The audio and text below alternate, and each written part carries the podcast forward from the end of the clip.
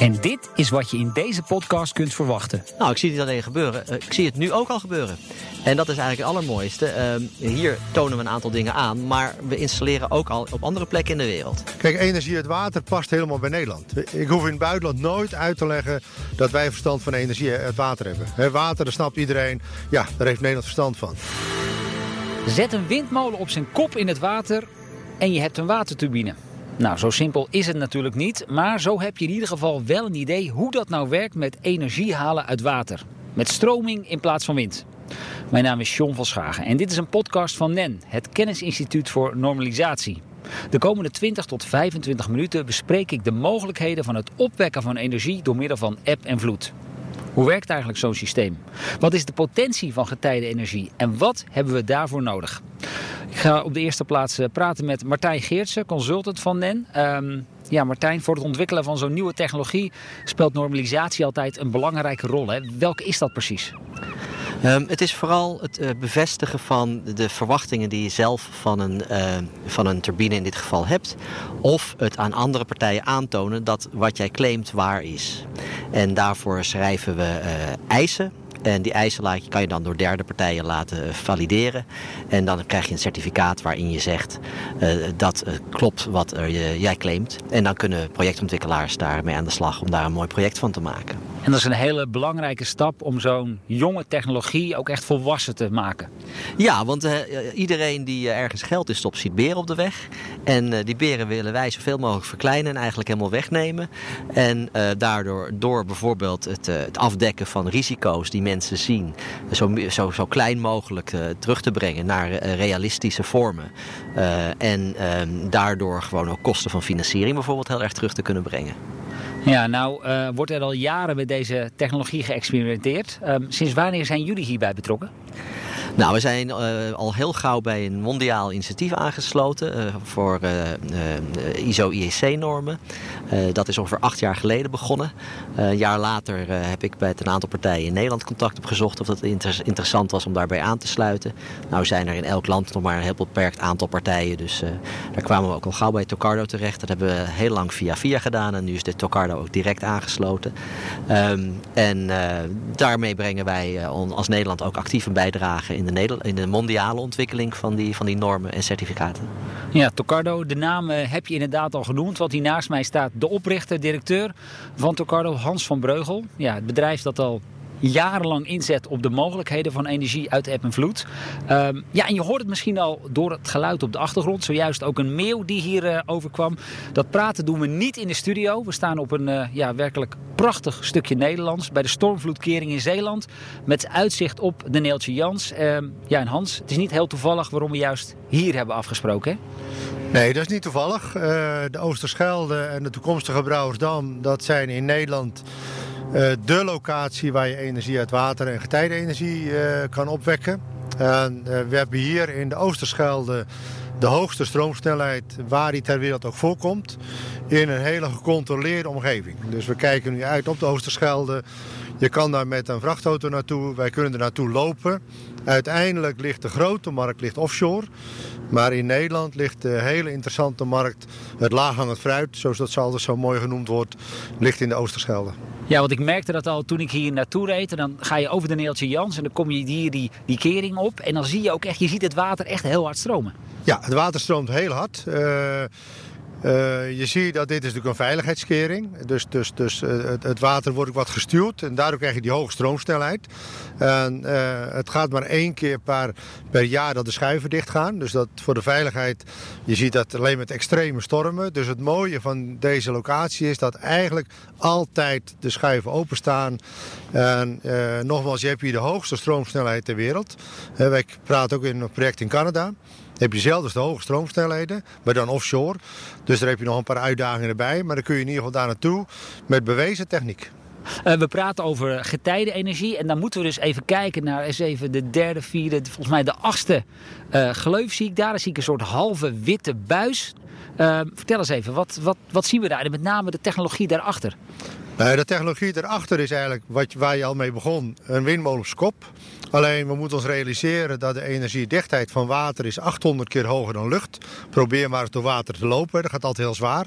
Dus daar zit heel veel energie in. Dus uh, wij hebben uiteraard wel een paar technische slagen moeten maken uh, in het ontwerp. onze wieken zijn ook veel kleiner. We, zien hier een aantal grote molens staan ja, met wiekers van 60, 70, 80 meter diameter. In de Oosterschelde hebben wij een diameter van, van uh, 5,5 meter. En daar kunnen we toch al 300 kilowatt mee opwekken. Dus, dus je ziet eigenlijk dat de energiedichtheid van water is veel groter. En even schetsen, hoeveel huishoudens krijgen daar dan stroom van? Van deze installatie staan vijf turbines op een rij. Dat zijn ongeveer een kleine duizend huishoudens. Ja, en het grote voordeel is ook, uh, in tegenstelling tot de zon, die zich soms niet laat zien, en de wind die er af en toe niet is, Stroming heb je altijd? Stroming heb je altijd. Uh, je hebt natuurlijk wel eens uh, uh, wisselend tij, maar daarna weet je het weer. Wij kunnen, zolang de maan om de aarde draait, kunnen wij voorspellen elk moment van de dag, elk moment van het jaar, elk moment van de tien jaar, hoeveel energie wij produceren. En dat vindt natuurlijk toch het energiebedrijf weer heel interessant. Hè. Volgend jaar om één uur weten we exact hoeveel energie wij produceren. En dat is denk ik het grote voordeel van getijdenenergie ten opzichte van, van zon en wind in het algemeen is de grote voorspelbaarheid. En wij zijn dus echt eh, weer- en seizoensonafhankelijk. En, en dat is het grote voordeel. Ja, het doet me ook een beetje denken aan die, uh, ja, die oude watermolens die je vroeger langs de rivieren zag staan. En met zo'n groot waterrad. Maar ja, deze technologie is wel even een stukje verder hè? Ja, dat klopt. Eigenlijk moet je dat vergelijken met, met de oude windmolen en, en de windturbine. Dat is geoptimaliseerd. En dat, datzelfde geldt, je hebt, in, je hebt al heel veel systemen gezien in getijdenenergie. Uh, van een Venturi tot, tot... Je hebt allerlei uh, ontwikkelingen gezien. Je, je hebt een flappenmachine gezien. En eigenlijk zie je dat, dat we in de getijdenenergie uiteindelijk op hetzelfde terechtkomen als wind. Een horizontale as, twee of drie bladig. Uh, je moet heel sterk kijken naar je onderhoudsconcept. Hè, want, want we, uiteindelijk moeten wij naar zee toe. En dan is je onderhoudsmonteur is een duiker. Je servicebus is een schip. Dus je moet heel sterk kijken naar onderhoud. Want dat zijn echt hoge kosten waar je dan over praat. Ja, dat zijn de hoge kosten. Dat, dat zijn, en dus je, ons hele systeem is ontworpen voor 20 jaar. De lagen staan 20 jaar mee. De, de, de, we hebben geen variabele bladinstelling. Dat kost je een paar procent energie. Maar dat doen wij liever dan dat je die laatste uh, kilowattuur eruit peuter en hoge onderhoudskosten hebt. Ja, en want in hoeverre verschillen de turbines die we dan hier zien uh, met jullie allereerste versies? Want je bent hier al behoorlijk lang mee bezig. Ja, we zijn hier behoorlijk lang mee bezig, maar de laatste tien jaar zijn we heel consistent. Uh, er is niets veranderd aan het concept. Het is wel geoptimaliseerd uiteraard, uh, qua software, qua, qua generatorontwikkeling. Maar het is nog steeds een direct drive, het is een, eenzelfde blad. En je probeert daar wel, wel innovaties te blijven doen. Uh, wij kijken nu bijvoorbeeld naar een smart blade noemen we dat. Dus dat, een, uh, dat zie je ook in de windmolen, zie je die bladen helemaal uh, omkrullen op het eind. En, en, daar moeten wij ook naartoe. We hebben nu nog een heel robuust, sterk blad. En, en daar moeten wij met nieuwe technieken, maar daar kun je weer 15% meer energie winnen. Dus, dus wij zitten aan het begin van de commercialisatie. Maar ja, we, we denken wel dat we hem te pakken hebben. Ja, want even schetsen, um, deze technologie, hè, want je zei het zelf al, het staat op het punt van, van doorbreken. Een aantal jaar geleden zag het er allemaal nog niet zo heel rooskleurig uit. Um, is er ooit een moment geweest waarop jij dacht, ik doe weliswaar ontzettend mijn best, maar het gaat hem niet, het gaat hem niet worden. En ik zie je nu een klein beetje lachen. Ja, het pad van een technologieontwikkelaar, en dat geldt in elke sector, denk ik. En er is getijdenenergie, is daar geen uitzondering. Uh, datzelfde geldt voor de pioniers in de windindustrie. Uh, ja, het pad van een technologieontwikkelaar gaat, gaat altijd met hobbels en bobbels. Ik heb eigenlijk nooit getwijfeld aan de techniek. Dat is altijd mijn drijfveer. Maar niet alleen de techniek. Je moet ook zeker weten dat je door de leercurve kan. Wij moeten natuurlijk, we zijn nu nog duur. Uh, of duur. Kijk, als je de voorspelbaarheid afzet, wij kunnen, dan kunnen we makkelijk concurreren tegen zon en wind. Als je dat uh, kwantificeert. Maar wij worden nog als duur gezien op dit moment. Als ik het gevoel heb dat wij uh, over een jaar of vijf, zes niet op dezelfde prijs zitten als offshore wind of, of, wind op land, dan stop ik direct. Dan geef ik het patent weg aan de universiteit want, en dan geef ik het geld terug aan de aandeelhouder. Want dan ben je geen economisch perspectief heb je dan. Maar uh, getijdenenergie heeft een absoluut economisch perspectief. En, uh, Ja, de techniek. Je ziet eigenlijk dat er bij ons al tien jaar lang niks veranderd is aan de techniek. En dan ben je op de goede weg. Wij zijn met kleine stappen verbeteren we, hogere efficiëntie. Maar het basisprincipe staat nog vier overeind. Ja, even over die techniek gesproken. Hè? Want uh, er is ook wel kritiek geweest. Mensen die roepen van ja, wat doen we met al die vissen die straks uh, langs die bladen komen en die worden daardoor verzwolgen. Dat is volgens mij een vraag die je heel vaak gesteld krijgt. Ja, ja dat, ook dat geeft weer een beetje een déjà vu gevoel met de windindustrie. Want die hadden de vogels en wij hebben de vissen. als je kijkt, het is vrije stroming. Dus, dus de, de, de, de draaisnelheid van de bladen wordt bepaald door de stroomsnelheid. En, en de draaisnelheid van de bladen is lager dan de vis kan zwemmen, de snelheid van de vis. Plus het feit dat de vis ook niet, niet, niet gek is. Dus die bij hele hoge stroomsnelheden zoekt hij die gaten niet op. Uh, maar ze kunnen er ook omheen. We hebben uh, al twee keer vismonitoringproeven gedaan. Er zijn wereldwijd heel veel testen gedaan. En, eigenlijk ja, en je hebt eigenlijk ook getest ook nog met zeehonden, hè? Ja, we hebben een, een, nog niet getest met zeehonden, maar wat wel gebeurd is hier in de Oosterschelde. Er is in de afgelopen twee jaar is er een heel uitgebreid monitoringsprogramma gedaan door uh, Deltaris op gebied van wat doet het met de bodembescherming. Uh, IMARIS uh, en Universiteit van Utrecht. En de Universiteit van Utrecht heeft in de afgelopen twee jaar alle dode zeehonden en, en breinvissen onderzocht. Om te kijken of, daar of die een mogelijk effect hebben gehad van de turbine. En dat is niet het geval. Dus we krijgen steeds meer vertrouwen erin. Dat het ook wetenschappelijk aangetoond wordt dat, dat uh, wat ook iedereen eigenlijk al zegt. Hè, elke deskundige zegt nee, want ook met die hele stroomersnelheid dan migreert die vis niet. En ze zijn niet achterlijk de vis. Dus, dus uh, gevoelsmatig zegt iedereen ja het zal, het zal wel meevallen. En dat blijkt nu ook uit de praktijk.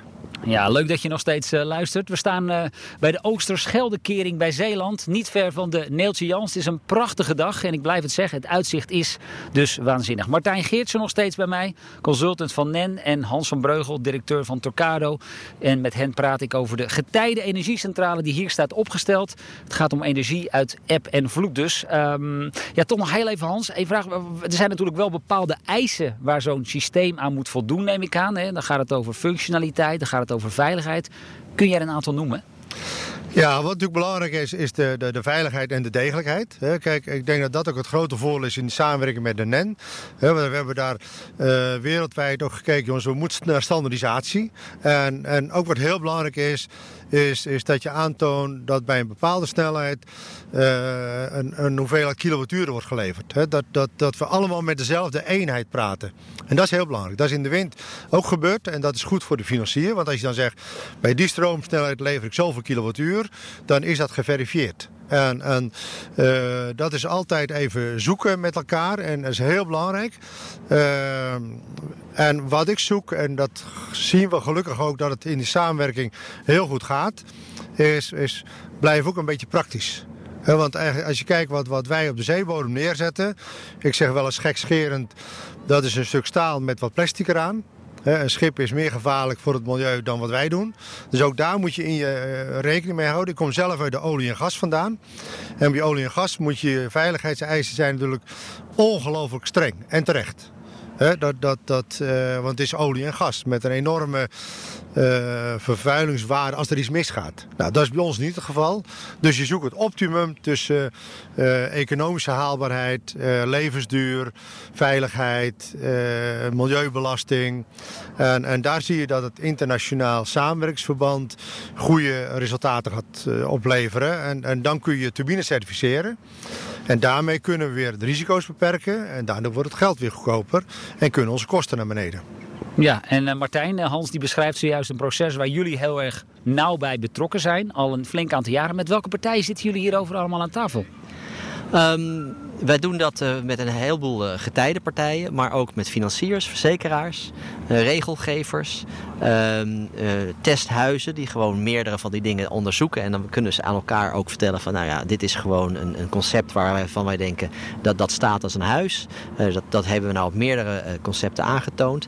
Um, en natuurlijk met vergelijkbare partijen in het buitenland. Want wij zijn een Nederlandse organisatie, maar wij vertegenwoordigen Nederland op, op een Europese en mondiale bilaterale samenwerkingen en overleggen. Dat betekent dus ook dat je met partijen uit Japan, uit China, uit Amerika, met dat soort partijen om tafel zit? Ja, ja en daar komen we ook letterlijk vaak één keer per jaar mee om tafel. En dan vertellen we aan elkaar ook wat we doen en wat we geleerd hebben en hoe we dat weer toe kunnen toepassen in afspraken die voor iedereen van belang zijn.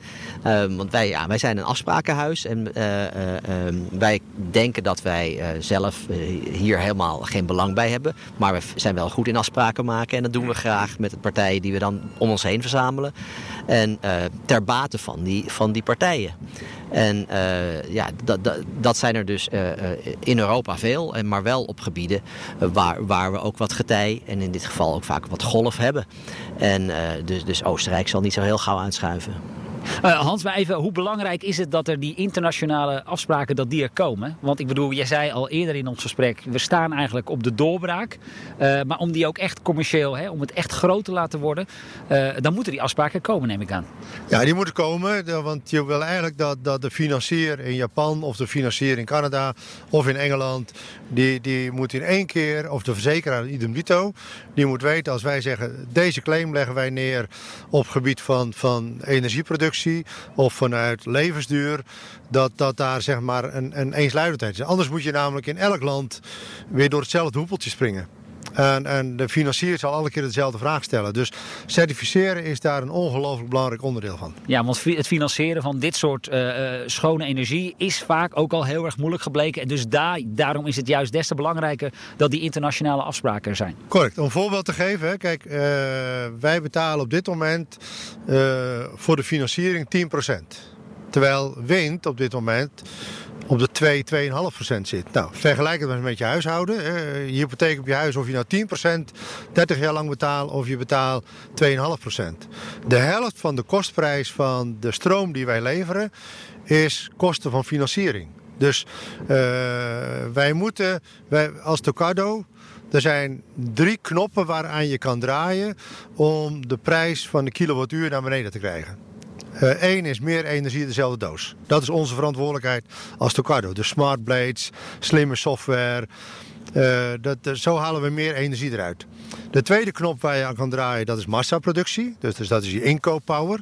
Het is goedkoper om 100 turbines te bouwen dan één turbine. Dus dat, dat is een, een deel van je, je, je systeem om de prijs naar beneden te krijgen. Maar de derde, dat is eigenlijk de allerbelangrijkste. Dat is het wegnemen van het risico wij worden nu nog gezien als hoog risico, want ja, hij staat er nog maar drie jaar. hij staat er nog geen 15 jaar.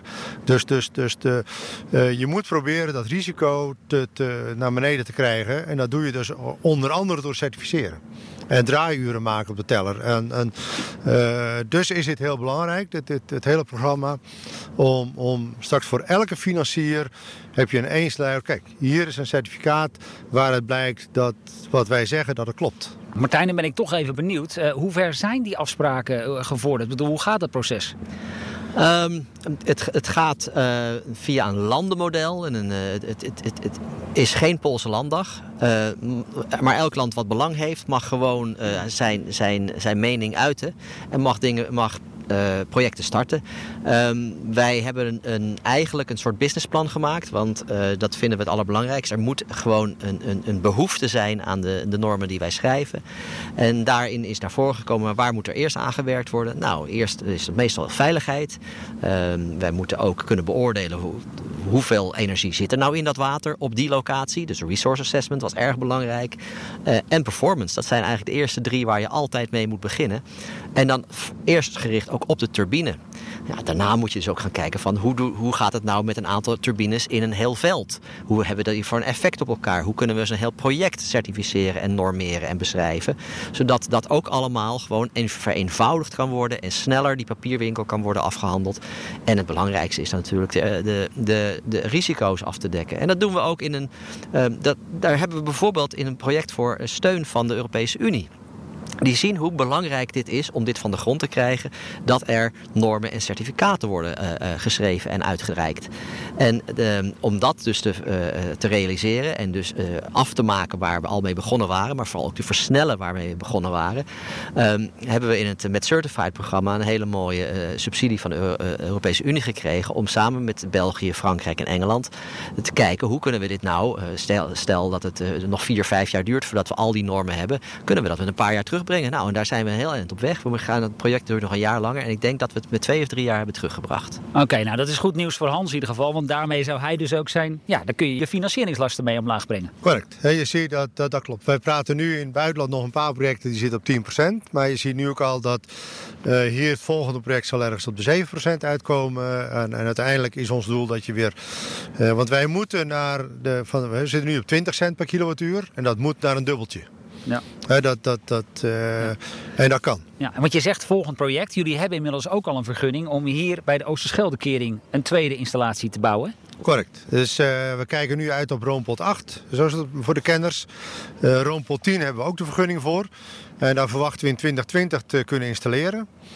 Uh, daar zijn we eigenlijk in de afronding van de financiering. We weten samen met onze Zeeuwse partners doen we dat. We werken daar met een aantal partijen uh, zoals Estimewa, uh, Hillebrand, Van de Straten werken we mee samen. we werken samen met Delta en PSM. Dus, dus is echt een Zeeuws consortium.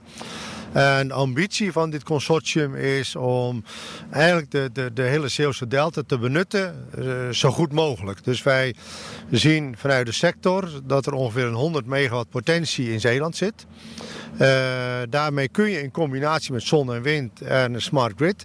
kun je de gehele Zeeuwse bevolking van duurzame energie voorzien. Dus dat is natuurlijk een hele interessante, als je vijf, zes jaar verder kijkt, is dat uh, mogelijk. Ja, maar ik neem aan, je kijkt verder dan alleen Zeeland. Hè? Er zijn ook nog tal van andere gebieden in de wereld, waar met name de oceanen, waar die een bepaalde richting op uh, stromen, waar de stroming heel hard is. Uh, ja, daar kijken jullie ook naar. Uiteraard. Hè. We, we, Tocado zal over drie jaar 95% exporterend bedrijf zijn. En, en ik zeg ook altijd tegen economische zaken, wij hebben de windindustrie verloren. Als je kijkt naar de top 6 bedrijven in de windindustrie, die zetten dus de 6 en de 9 miljard per jaar om. En één van die zes had Nederlands moeten zijn. In midden jaren 90. Maar het zijn Denen, Duitsers, Chinezen? Ja, ja, ja. dus dat, dat, en als je kijkt naar midden jaren 90 hadden wij in Nederland vier, vijf uh, zeer potentieel succesvolle uh, windmolenfabrikanten. En het is natuurlijk doodzonde dat wij die strijd verloren hebben. Kijk, energie uit water past helemaal bij Nederland. Ik hoef in het buitenland nooit uit te leggen dat wij verstand van energie uit water hebben. He, water, daar snapt iedereen. Ja, daar heeft Nederland verstand van. Delta werken, snapt iedereen, daar hebben wij verstand van. En het mooie van, van dit systeem is, dit is een energiedijk wat je nu voor je ziet. Eerst was het een veiligheidsdijk, nu wordt het een energiedijk. En, en dat maakt het heel interessant voor het Nederlands exporterende bedrijfsleven. Zowel voor de kennisinstellingen, als voor de ingenieursbureaus, als voor de, de, de natte aannemers, als voor een bedrijf zoals Tucardo die de technologie exporteert. Ja, Martijn, zie jij het gebeuren? Uh, Nederland als exportland op het gebied van deze schone energie? Nou, ik zie het niet alleen gebeuren. Ik zie het nu ook al gebeuren. En dat is eigenlijk het allermooiste. Uh, hier tonen we een aantal dingen aan, maar we installeren ook al op andere plekken in de wereld. En uh, wat ik natuurlijk ook zie gebeuren, is dat dat absoluut gaat groeien. Dat het wat, de, de, de, de, wat eenvoudige projecten die we nu doen, het laag aan het fruit, zoals uh, uh, Hans net zei. Dat hebben we al gedaan, dat zijn we nu aan het doen. En we gaan nu gewoon grotere en mooie projecten opzetten in het buitenland. Ja, het lijkt zo simpel. Stroom opwekken met de continue bewegingen van het water. Maar het is toch knap ingewikkeld, zo hebben we in deze podcast kunnen horen. Eenduidige afspraken zijn daarom ook zo belangrijk. Ik dank mijn gasten, Martijn Geertsen en Hans van Breugel. Ben je geïnteresseerd in meer verhalen over de energietransitie en welke rol normen daarin spelen? Luister dan ook naar onze andere podcast in deze serie. Dank in ieder geval voor het luisteren en tot de volgende keer.